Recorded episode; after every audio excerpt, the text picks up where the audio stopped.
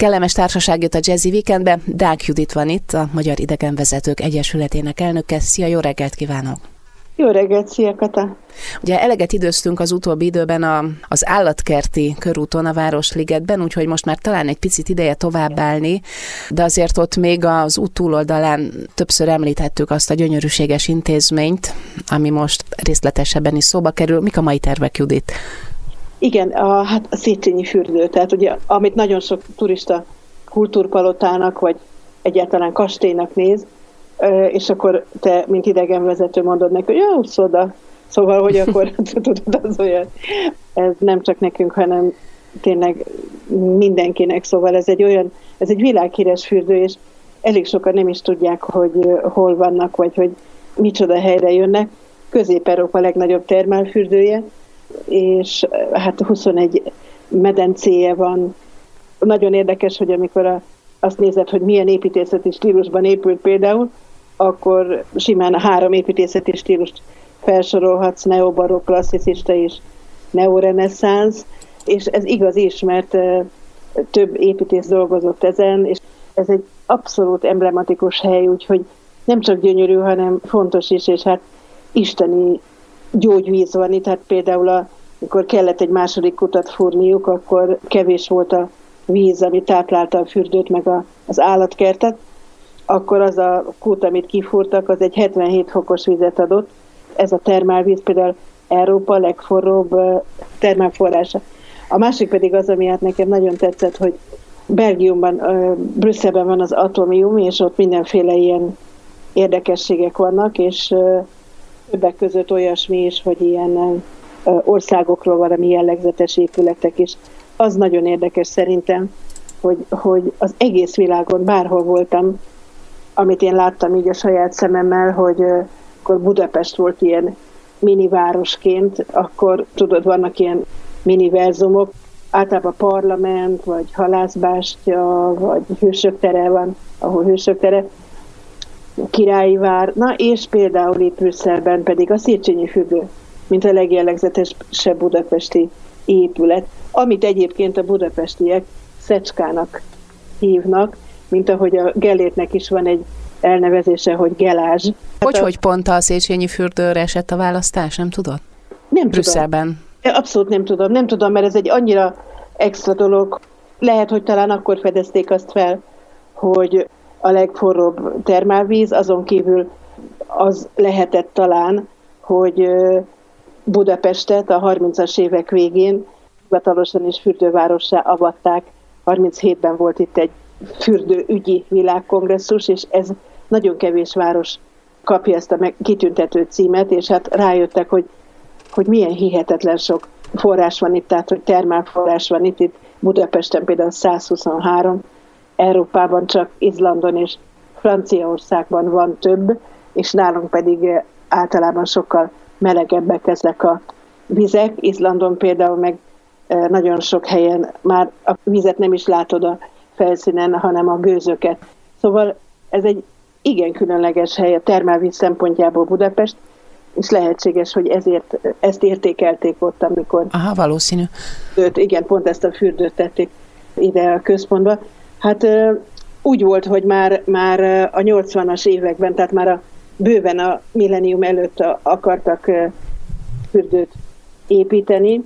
Egy név, aki fontos, itt szeretnék kimondani, ha bár általában nem érdekesek a nevek, Szigler Győzőnek a neve, furcsa neve, CZ-vel írta, műegyetemi tanár volt, és kb. 20 évig dolgozott ezen, és amikor már, tehát nem is élte meg a fürdőnek az építését, de hát a Cigler Győző az mondjuk olyanokat épített, hogy a, mondjuk a Hunyadi téri csarnok, vagy a Hold utcai csarnok, vagy a Keleti Károly utcában a Központi Statisztikai Hivatal, vagy a Rózsák terén a görög katolikus templom, vagy a Zaxléner palota az Andrási úton képesztő művei vannak, voltak Cigler Győzőnek, és ő az egyik leg, legjobban tisztelt tanár volt, akinek tényleg ilyen különleges és elegáns és nagyon-nagyon egyedi épületei voltak. Aztán volt egy Horzsákede, és később egy Francsek nevű, aki részt épített föl. A lényeg az, hogy 1913-ban, tehát közve, majdnem, hogy közvetlen a háború előtt, első világháború előtt nyitották meg a fürdőt, és képzeld, hogy 1913-ban már évi 200 ezer látogatója volt. Először egy artézi fürdőnek nevezték, aztán Széchenyi fürdőnek, és aztán 26-ban jött ez a ifjú Francsek Imre, és akkor 27-ben nyitották meg az új részleget, akkor fúrták ezt az új kutat, jött ez a 77 fokos víz, szóval gyógyítanak. Fizikó és elektroterápiás kezelések vannak, akkor sós kádfürdőket használnak, akkor iszapkezelések is vannak. Nagyon-nagyon sok minden van, amit a, a, fölír az orvos, és akkor oda elmehetsz, és akkor ott megkapod ezeket a kezeléseket. Itt a épület komplexum, hát valami gyönyörű, nem tudom, hogy te közel lesz láttad-e, vagy szok, szoktad nézni, vagy Hát annyiban, hogy ott parkoltam közvetlenül az igen, épület igen, közelében, igen. és valóban szemrevételeztem. Igen, Bent nem igen. jártam soha. És egy olyan, szóval, hogy egy ilyen, tudod, egy ilyen Habsburg sárga, egy ilyen Mária Terézia sárga, és a közelebb mész, akkor látod a vízköpőket, a, ezeket a stilizált vízi szörnyeket, kagylókat, halakat, sellőket, de még a kandelábereken is, meg mindenféle oszlopokon, külső-belső díszítéseken, úgyhogy teljesen egy ilyen vízi világ nyílik meg előttünk, és amit megmondani akarok, hogy ami, amiért tényleg világhíres ez a fürdő, hogy volt valaha egy olyan fekete-fehér kép, ami tényleg a világot bejárta, és sokszor azzal hirdették régebben a Széchenyi fürdő, hogy úszó sapkás emberek, nagy tél van, lehet látni a havat, libeg az a saktábla, gőzölög a forró víz, és ők meg ott sakkoznak. És ez valami különleges egyrészt, másrészt meg olyan hangulatos, hogy tényleg, na ez, ha semmi más nem, akkor ezt megnézik a népek. És mai napig ugyanezt lehet csinálni. Dák Judit van itt, a Magyar Idegenvezetők Egyesületének elnöke. Még nagyon sok mindenről fogunk beszélgetni itt a Jazzy Weekendben. Kicsit később folytatjuk, tartsanak velünk. Itt a Jazzy Weekendben folytatódik a budapesti séta. Guidunk Deák Judit, a Magyar Idegenvezetők Egyesületének elnöke, és termálvizes kikapcsolódásról beszélgetünk, de azért ugye a Széchenyi fürdő az inkább a felnőtteknek nyújt szórakozási lehetőséget, tehát ha gyógyvíz, úgy vagyunk vele, hogy gyereket oda talán nem is szabad bevinni 16 Van az év. egyik medencét, de nem, az, az egyik medencét átalakították ilyen élménymedencévé, úgyhogy uh-huh. középen egy kőrakás féle valami kis kör izé, és akkor lehet látni, hogy a gyerekek ott benpancsolnak meg kint, és itt nagyon sekély a víz, ugyan termálvíz, de lehűtik a vizet, mert ugye hát kedves vendégek szőrebőre ugye leégne, hogyha 77 hát, az megfőne félig. Nem hűtenék le, úgyhogy vannak ilyen abszolút ilyen 20 fokos medencék is, de nagyon érdekes, hogy például gőzfürdőben, mert ugye van szauna és gőzfürdő, 50%-os ikertermes szauna van, 50 fokos és 50 fokos gőzfürdő, és a kvázi hideg víz, az a merülő medence, az meg 20 fokos. Ami egyébként, hogyha nem az 50 fokból jönnél, ugye, az teljesen jó lenne úszásra. Ja, ja, persze, simán. Hát éghidegnek tűnik olyan, hogy oh, nem kapsz levegőt, amikor mész a 20 fokba, szóval komplex ez a dolog. Tehát úszkálni, ücsörögni, élménymedence, mindenféle jó dolog van itt, és most ezt nem akarnám elsorolni, mert hát ugye véges az időnk, hogy miféle ásványanyagok vannak benne, de elképesztő komoly tartalmak, tehát ásványanyag tartalma. Vannak éjszakai rendezvények időnként, tehát most ugye a Covid mindent vitt, de egyébként pedig fürdők éjszakája, amikor tényleg éjszaka is be lehet menni, meg egyéb rendezvények is, ami miatt este sokáig nyitva vannak, mostanában nyolcig vannak nyitva. Hát gondolod, hogy milyen hangulat kivilágítva ez a gyönyörű épület, mint hogyha egy ilyen színháznak a nézőterén ott úszkálnál, és tényleg ezek a csodalények kivilágítva elképesztő hangulata van a Széchenyi fürdőnek. Hát legyen így, szerintem tavaszra most már azért normalizálódik. Hát igen, úgy, úgy néz ki, mindenhonnan, mindenhol azt olvassuk, igen, hogy talán ez most már rendben lesz tavaszra, és talán már éppen olvastam egy, egy turisztikai szaklapban, hogy 22-ben az emberek utazni akarnak. Hát áldja meg az Isten őket, akik utazni akarnak, ugye tartsa meg a jó szokásokat, és hát utazzanak és utazzunk, mert most már nagyon itt az ideje, hogy utazhassunk tényleg. Zárójelbe így hozzáteszem, a szabályok betartása mellett fegyelmezettség és az intelligencia, stb. eddig is lehetett volna utazni. Tehát ezt már azért bebizonyította a Covid, hogy nem kell ahhoz, tehát nem a határon kívülről jön, hanem primán itt is el tudjuk szaporítani a belvizeken. Abszolút, abszolút. Szokták mondani, hogy a szépség belülről jön, ez is belülről jön, hogy az embernek az agya a jó értékrendje, hát nagyon sok mindent meghatároz, illetve hát megakadályoz sok mindent, Sőt, ahogy lát.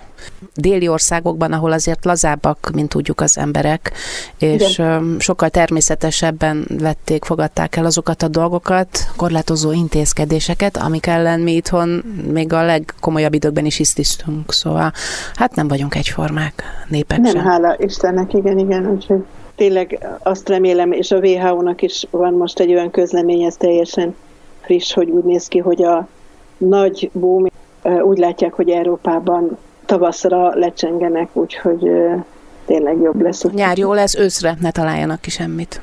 igen, igen, ne találjanak ki semmit. Ugye a gondolat teremtő ereje, meg aki tudja, minek a teremtő ereje. már, hogy igen, hogy iskolába kell menni, ez az egy nem jó, de az összes többi meg nagyon jó. Ez iskola se olyan rossz. Nem rossz, persze, hát van, aki szeret járni, Igen. meg van, imádta ezt a online dolgot, mert mindenfélét lehetett közben csinálni, de egész sok gyerek, én úgy csodálom a környezetemben, hogy olyan komolyan vették, és ott ültek a kis babák, tanultak, és nem, nekem órám van, és micsoda van órád, pizsamába gyerek a izé. Nekem mondod? Én ott ágyasztam a köntösbe hátul, anya, ne belelátszol képbe. Igen, igen, úgyhogy igen. szóval, hogy minnyáján arra vágyunk, azt hiszem, hogy a visszaálljon a rend, és akkor a Széchenyi fürdőhöz visszatérve egy perce, ott meg az a rend, hogy az volt a rend a békeidőkben, ugye két évvel ezelőttig, hogy este tízig az uszoda rész nyitva, úgyhogy hogy minél hamarabb visszaálljon ez a régi rend. Ámen. február 12-e van, a budapesti sétát azt majd legközelebbi alkalommal innen folytatjuk, most pedig javaslom, hogy vegyük sorra a mostani napok neves évfordulóit. Évfordulóit. Jó, én azt gondolom, hogy mivel, hogy Budapesten vagyunk, és nekünk ez a legfontosabb, ugye, hogy 1945. február 13-án Budapesten véget ért a háború.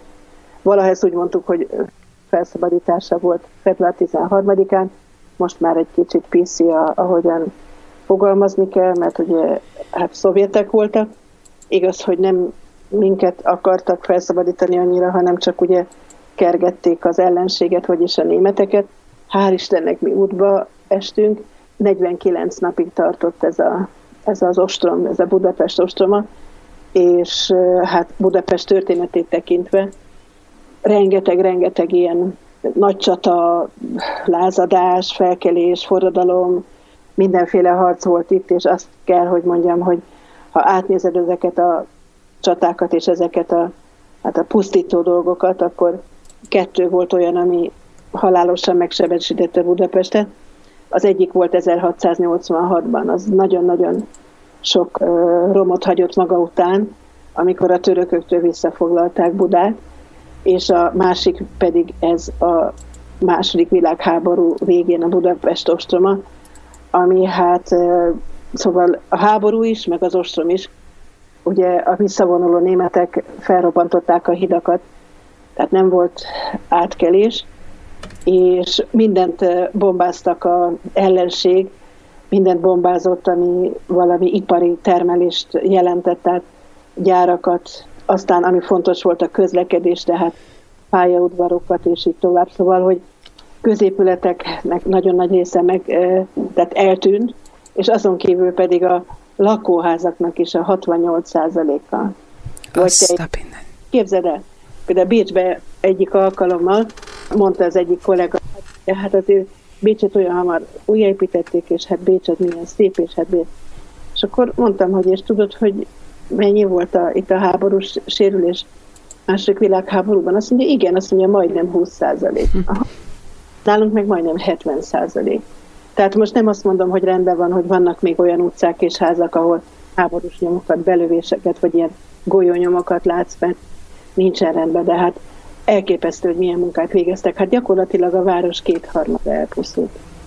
Kezdhették előről, még a Láncid előtti időkből, ugye, és építették az ideglenes hidakat, akkor csónakokat használtak, és akkor tovább úgy, hogy szép lassan elindult az élet, amit hát remekül lehet látni például, hogy emlékszel a budapesti tavasz, amikor a végén körülbelül egy egyperces szerepe van Rutka Évának, amikor ott árulja újságot, és Gábor Miklós ott a főszereplő, és az emberek ott kijönnek a romokra, és ki lehet jönni az óvóhelyről, hó van mindenhol, ez egy nagyon-nagyon kemény tél volt, és állattetemek, meg teljesen lepusztult házak, úgyhogy látod a falakat, és mögötte egy-két bútort, szóval olyan nagyon szürreális képek, és, és az emberek, idegen emberek összecsokkoloztak, meg összeülelkeztek, mert nem akarták elhinni, hogy az egész háborúnak, és ennek a rettenetes 49 napos ostromnak vége van, és akkor vége volt, és hát közösen építették újjá. Szóval, hogy itt aztán igazán kaláka volt, és dolgoztak az emberek, ahol lehetett,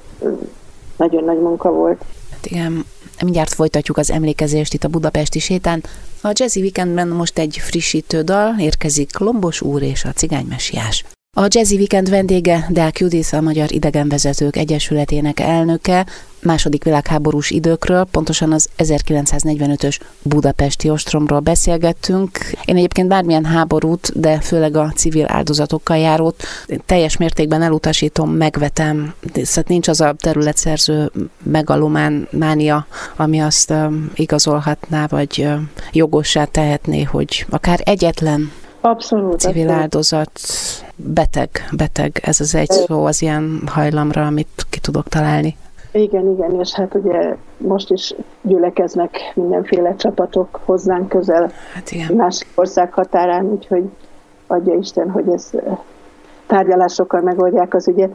Tehát Budapesten véget ért a háború február 13-án, és azért egy mondatot hagy mondjak, nekem az egyik kedvenc zenészem a Hobó Földes László, és ő is ezen a napon született, tehát pont a felszabadulás napján született. Uh-huh.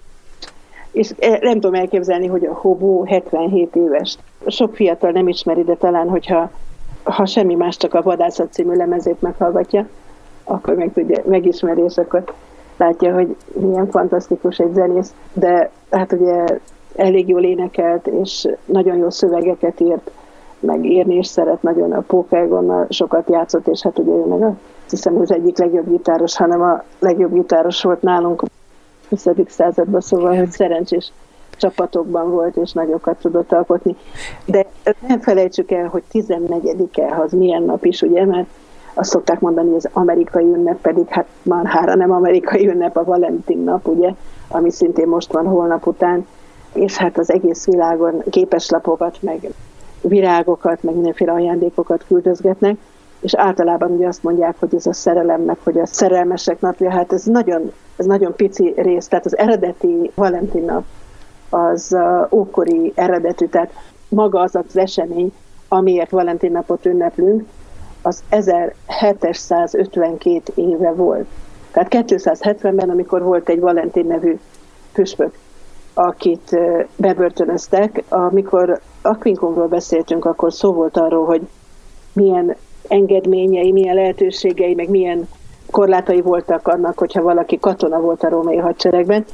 Talán emlékszik rá az a hűséges hallgató, aki akkor is hallgatott minket, hogy például nem szívesen vették a darabig a vezetők a házasságot, mert hogy hát attól tartottak, hogy a lojalitást elveszítik a császár felé és a katonaság felé.